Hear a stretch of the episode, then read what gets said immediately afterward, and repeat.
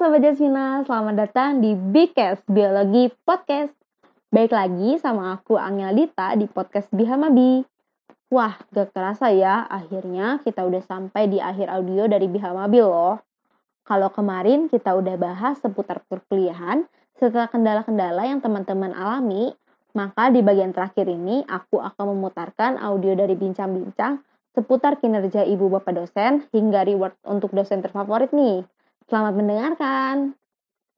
Ye, jadi matang suara Pak Saiful. Kembalikan ke Vivi, silakan Vivi. Terima kasih uh, Bapak Ibu dosen kalian semuanya. Terus di sini mungkin langsung saja ya uh, digabung beberapa poin untuk mempersingkat waktu dikarenakan Bapak Ibu dosen juga akan ada aktivitas kembali yaitu mengajar Mungkin untuk si operator langsung next slide. Masih ada berapa slide, Vivi? Masih banyak tuh. Oh. Untuk satu topik kinerja dosen, Bu, ini poinnya saya gabung untuk jadi satu tanggapan saja ya, Bu ya. Oke. Okay. Persingkat waktu. Oke, okay. baik di sini kita masuk ke topik kinerja dosen. Poin pertama mengenai kehadiran dosen dalam perkuliahan dapat 74,3 persen mahasiswa menyatakan kehadiran dosen sudah sesuai 22,9 persen kehadiran dosen sedikit terkendala dan 0 persen kehadiran dosen tidak terkendala. Next slide. Untuk poin selanjutnya mengenai penyampaian RTS, 97,1 persen dosen telah menyampaikan RTS dan 0 persen dosen tidak menyampaikan RTS. Selanjutnya. Kesesuaian kegiatan perkuliahan. 100%. Gimana nih Pak? Jumlahnya kok tidak 100% tadi? Iya, yang slide sebelumnya, Vi. Slide Sama, sebelumnya. slide, slide sebelumnya juga ya. tidak 100%. Cuma untuk operator Berarti anu mungkin ya, apa? Nah, itu yang oranye apa itu? Berapa persen Ini itu? Ini adalah opsi lain, Ibu. Oh. Yang di mana mahasiswa uh, menjawab atau mengisi opsi lain. Seperti itu. Ya, ini berarti yang 2,9 apa?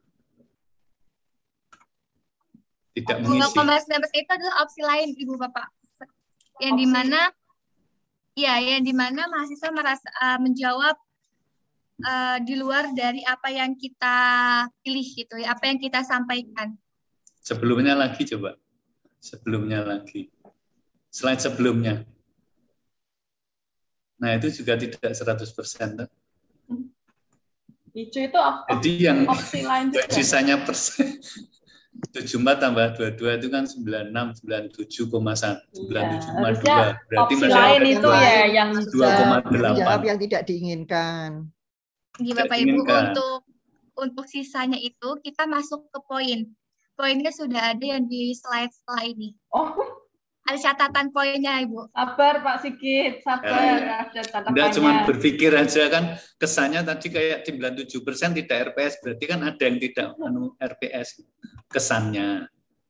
Iya Bapak Ibu sekalian nah, mohon maaf. Artinya tidak 100 persen. Ya, Jadi ini sisanya kita masukkan ke poin catatan poin di slide berikutnya nanti, yang di mana nanti akan ditanggapi. Seperti itu Bapak Ibu sekalian. Untuk oke okay, slide next slide.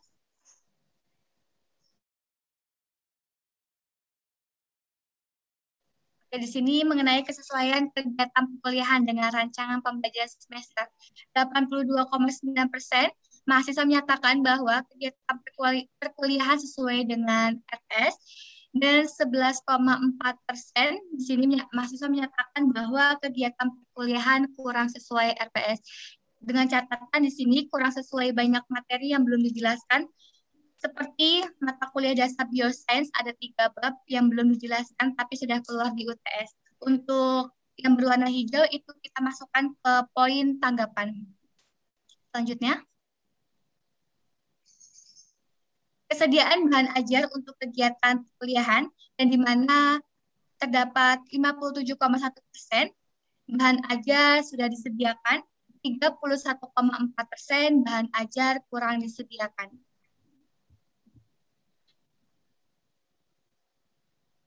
Oke, okay. poin selanjutnya mengenai apakah dosen membantu kesulitan mahasiswa dalam kegiatan perkuliahan terdapat 68,6 persen Mahasiswa menyatakan bahwa dosen membantu kesulitan pada saat praktikum dan 25,7 persen dosen kurang membantu kesulitan saat praktikum. Mengenai poin kesesuaian jadwal dalam kegiatan perkuliahan, terdapat 74,3 persen mahasiswa menyatakan bahwa jadwal kuliah sudah sesuai dan terdapat 25,7 persen mahasiswa menyatakan bahwa jadwal kuliah kurang sesuai.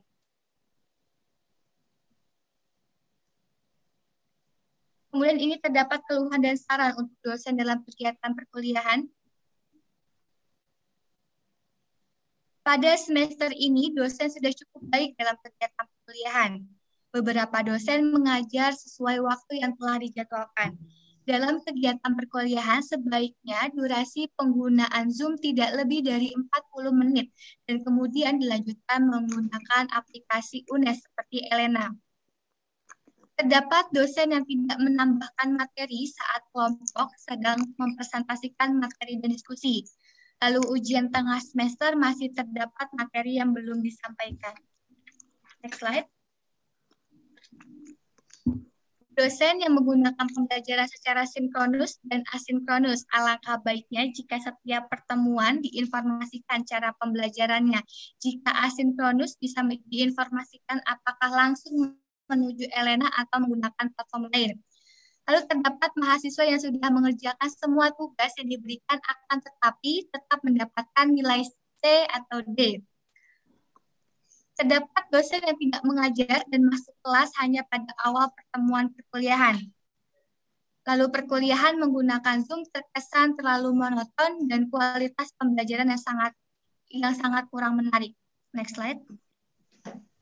Ini mungkin uh, saya himpun semuanya kepada Kaprodi dimohon lebih tegas dalam menerapkan aturan. Apabila terdapat pergantian dan pembaharuan aturan segera ditetapkan dan diinfokan. Pengalaman peraturan skripsi RND sangat dinamis di bulan April 2020 hingga 2021.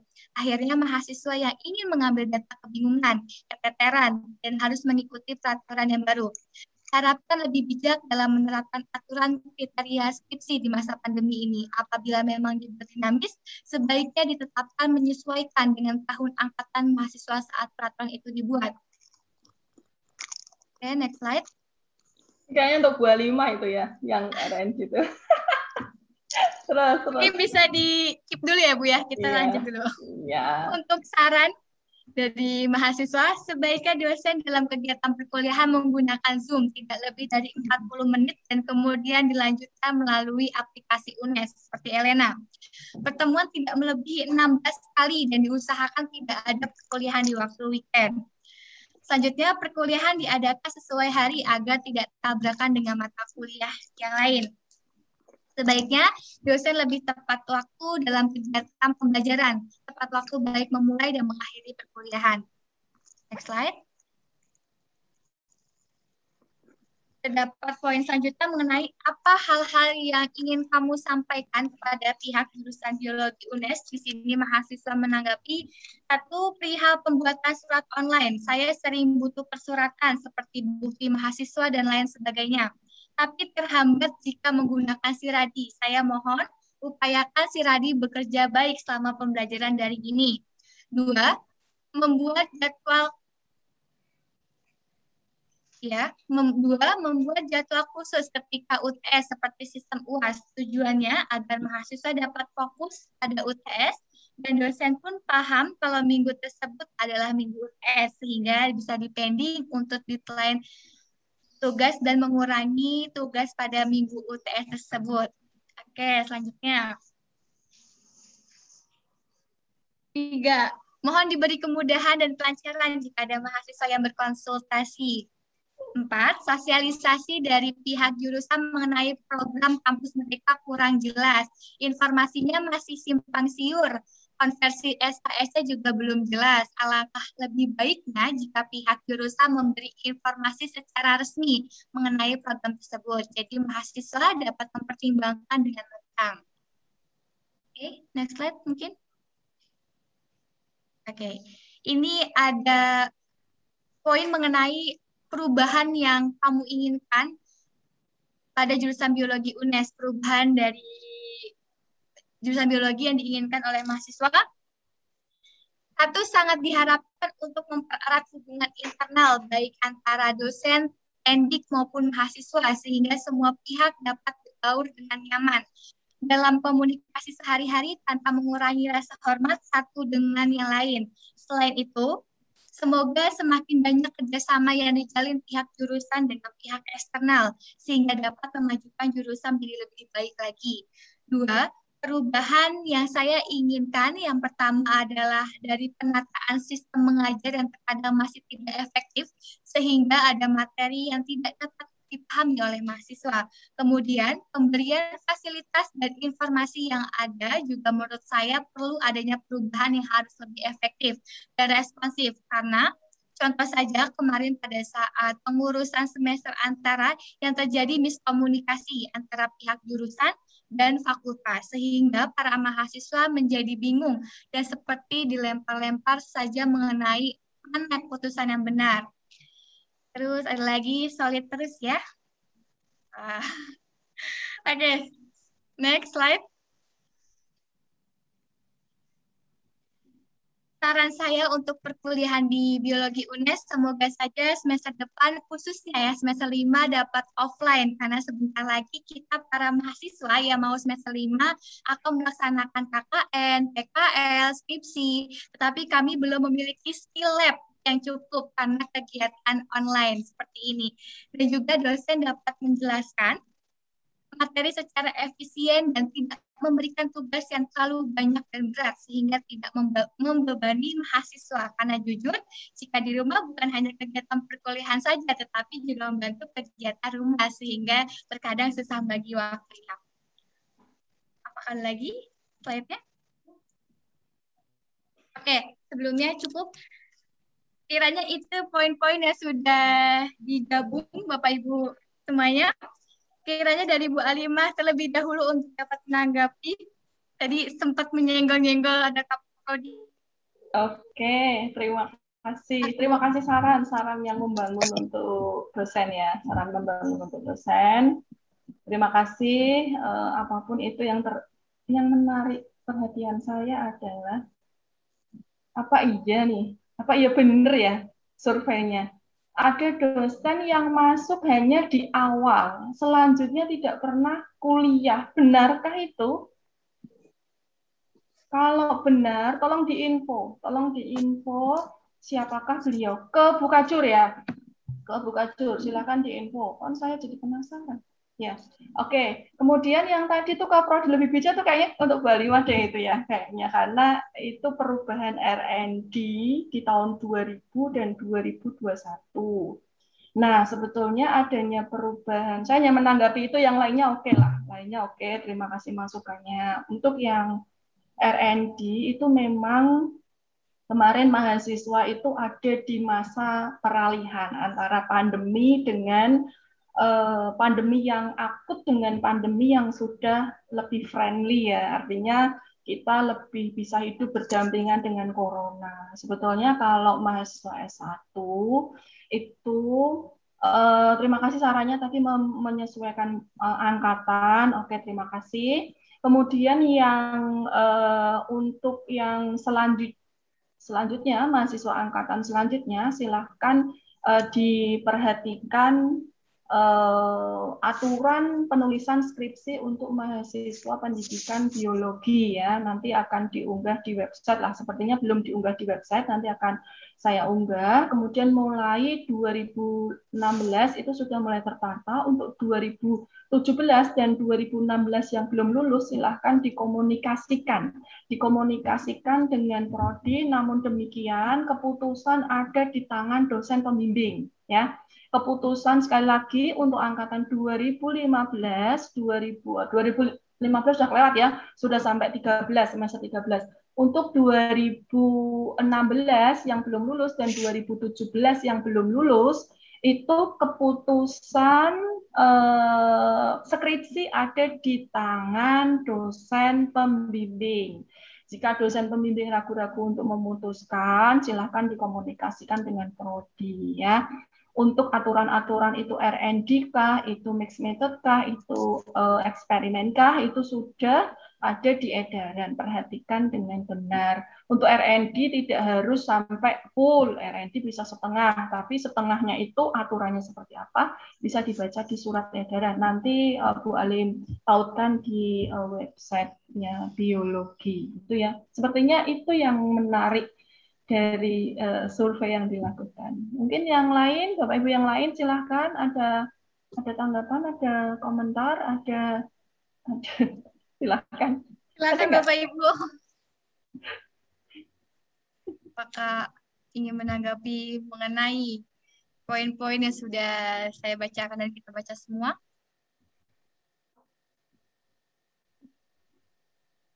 Atau dari mahasiswa? Dapat menanggapi atau bertanya.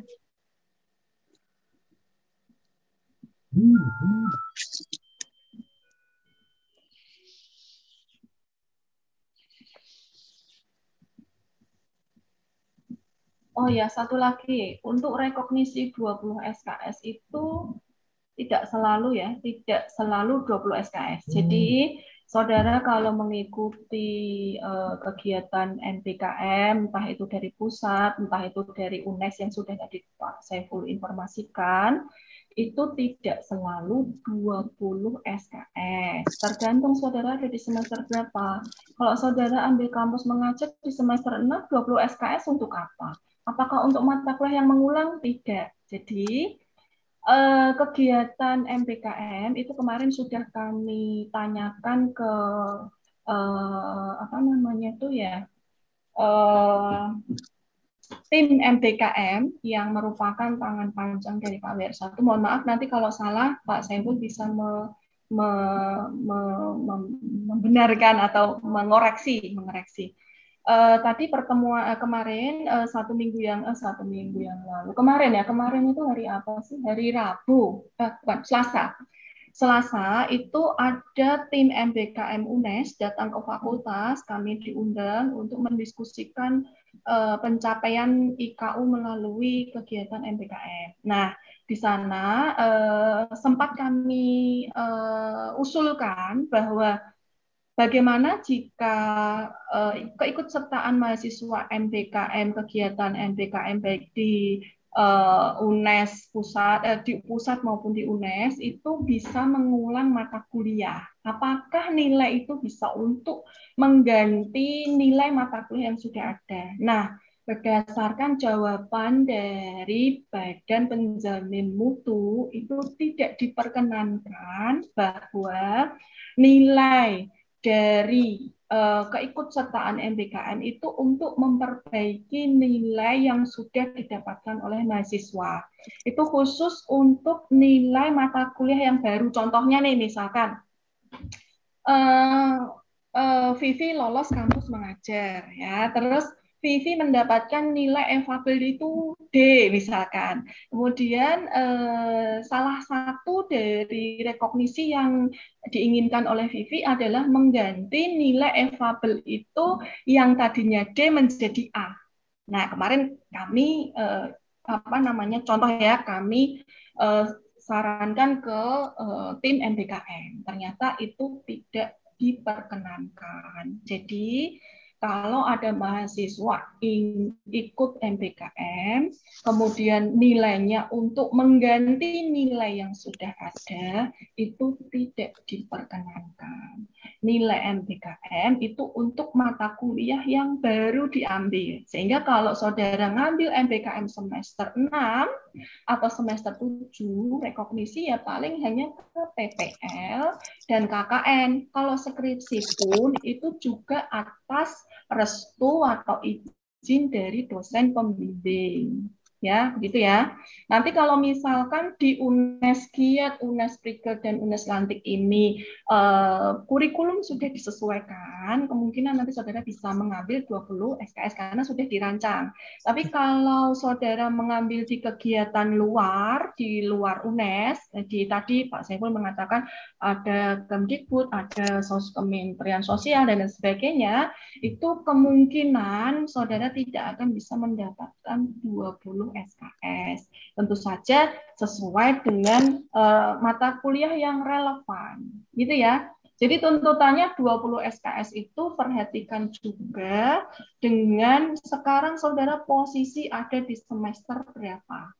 Nah, kami berencana mata kuliah-mata kuliah yang sifatnya umum bisa merekognisi ke UNES Giat, UNES dan UNES Lantik ini nanti akan dipindahkan ke semester atas supaya saudara bisa mendapatkan rekognisi 20 SKS. Itu ya itu untuk di pendidikan. Nanti coba Bu Alima diskusi sama Bu Nugraningsi untuk yang biologi. Tentu saja jurusan tidak akan merugikan mahasiswa karena jurusan itu semakin senang, semakin mahasiswa semakin cepat lulus itu semakin senang gitu ya, semakin bahagia, semakin bangga dengan mahasiswa yang bisa lulus tepat waktu kurang dari empat tahun setengah gitu ya, empat tahun lah maksimal itu sepertinya yang perlu ditanggapi. Jadi mahasiswa tidak boleh menelan mentah-mentah MBKM itu 20 SKS gitu ya. Disesuaikan, menyesuaikan gitu ya. Apalagi kalau saudara sudah di semester atas. Itu Bi, mungkin hanya itu aja. Mungkin Bapak Ibu dosen sudah mulai mau ada kuliah ya. Sudah ada. Iya Bu, sepertinya sudah, sudah mau masuk jam-jam belajar dan kuliah lagi. Iya, iya. Apakah dari Bapak dosen dan uh, mahasiswa biologi ada yang menambahkan lagi atau menanggapi kembali? Apabila memang tidak ada, saya cukupkan.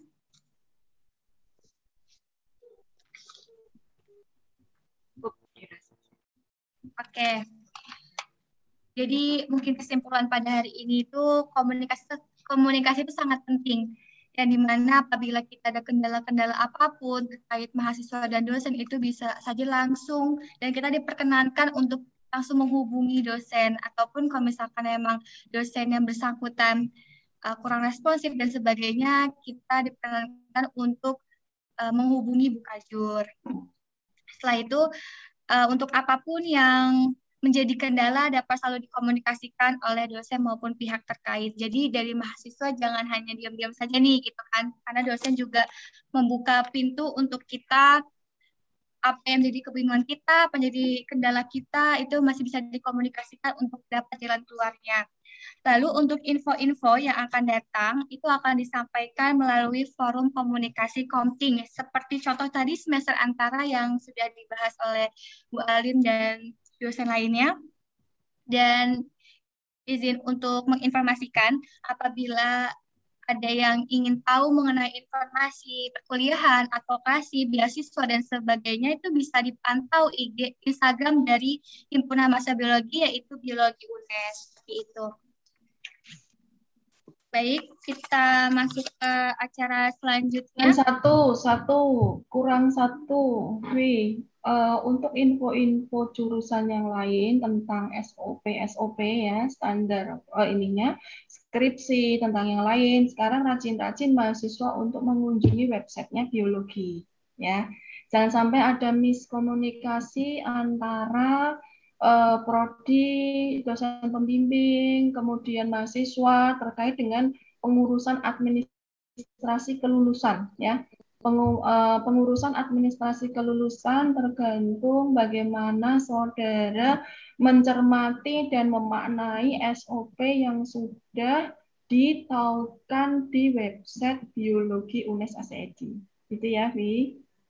Baik, Bu Alim. Terima kasih untuk tambahannya. Eh, di ya, sini sama. ada hotline ya dari advokasi masa biologi bisa untuk menghubungi tertera dari nomornya Putri Nabila, Manasesio, dan Tisantia Serlin. Bisa langsung menghubungi um, mereka sebagai tim advokasi dari Himpunan Masa Biologi. Oke, terima kasih untuk seluruh Bapak, Ibu dosen, serta tenaga pendidik atas tanggapannya terkait segala aspirasi maupun pertanyaan dari kami mahasiswa biologi. Kami mengucapkan terima kasih banyak. Lalu harapan kami, semoga dengan adanya ini kita terus masih bisa menjalin komunikasi yang baik, baik, baik dan, dan baik. Bapak, Ibu dosen dan tenaga pendidik dimohon untuk tidak meninggalkan Zoom terlebih dahulu karena setelah ini ada pengumuman dosen terfavorit yang telah divoting oleh seluruh mahasiswa biologi sekaligus pengumuman pemenang door prize. Siapa nih kira-kira dosen terfavorit di tahun ini nih? Ayo, apakah siapa nih? Eh, uh, itu uh, apa? Surprise, surprise. Surprise. Bu Alimah, Bu Alimah. Lima ini. Atau Bu Penny? Oh Bu Eli sepertinya. Atau Bu Lutfia semua pasti gitu partainya semuanya. Apa nih? Enggak lah.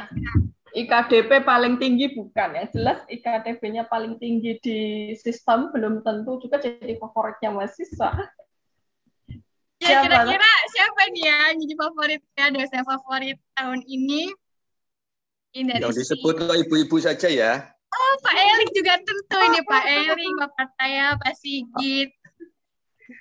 Hasil voting dari mahasiswa bisa di show up. Siapa nih? Jeng jeng jeng jeng gitu ya.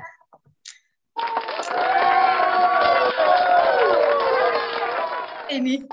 Wah.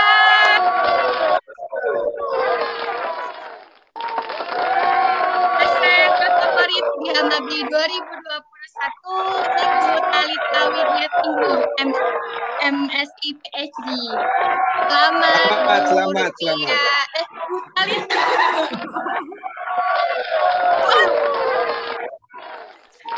Agak oleng-oleng nih Bu, mohon maaf. Talita.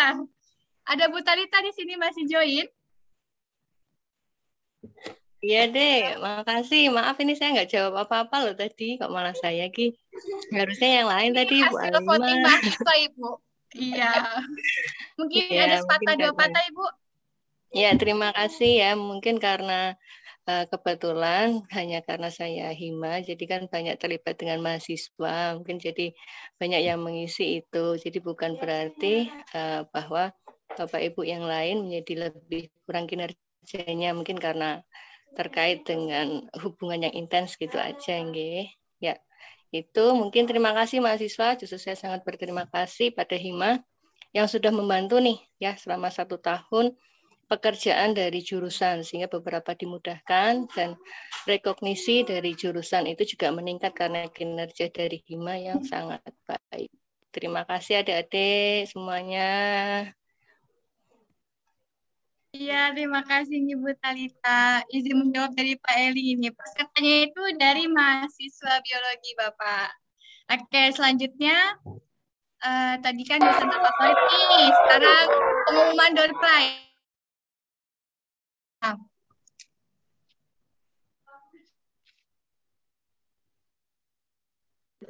Oke, siapa nih yang mendapatkan door prize? Lumayan kan? Hore. Sepertinya Pak Eling ini. Oke, pemenang The Prize di Hamabi 2021. Ding ding. Siapa ini? Oke, lanjut. Pemenang satu. Siapa? Rumble 2. Melika dari Biologi B 2020. Oke, apakah ada lagi pemenang selanjutnya? Pemenang kedua. Ambil dua lagi. jeng jeng jeng. Indri dari Pendidikan Biologi B tahu angkatan 2019. Kami mengucapkan selamat kepada pemenang The Prize yang nanti akan dihubungi oleh panitia. Oke, sebelum ini pemenang dapat pulsa sepuluh ribu ya, lumayan buat ngisi pulsa, buat beli paketan. Ya. Oke, nanti pemenang akan dihubungi oleh panitia. Terima kasih untuk operator yang sudah menampilkan. Selanjutnya, uh, Sebelum acara ditutup, marilah kita berdoa terlebih dahulu. Doa penutup akan dipimpin oleh Muhammad Gafa. Kepada Muhammad Gafa, saya persilakan.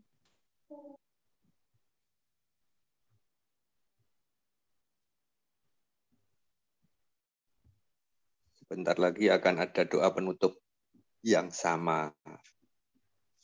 Tapi belum diumumkan. Silakan, Dawa.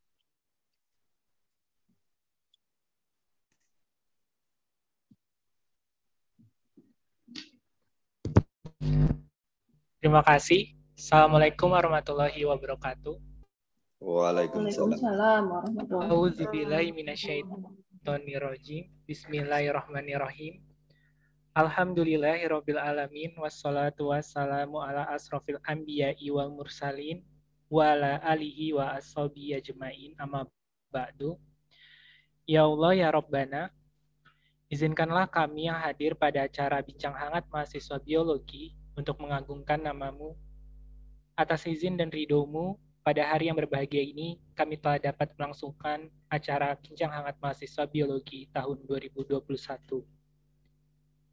Ya Allah, ya Tuhan kami, anugerahkanlah keikhlasan ke dalam hati kami, berikanlah kami kekuatan, kedisiplinan, dan semangat yang tinggi dalam melaksanakan amanah yang telah diberikan kepada kami. Ya Allah, ya Tuhan kami, limpahkanlah kepada kami rahmat dan karuniamu, ampunan dan kasih sayangmu, sehingga setiap hal yang kami laksanakan bermanfaat dan berguna bagi masyarakat, bangsa, dan negara tercinta, khususnya bagi jurusan biologi ke depannya.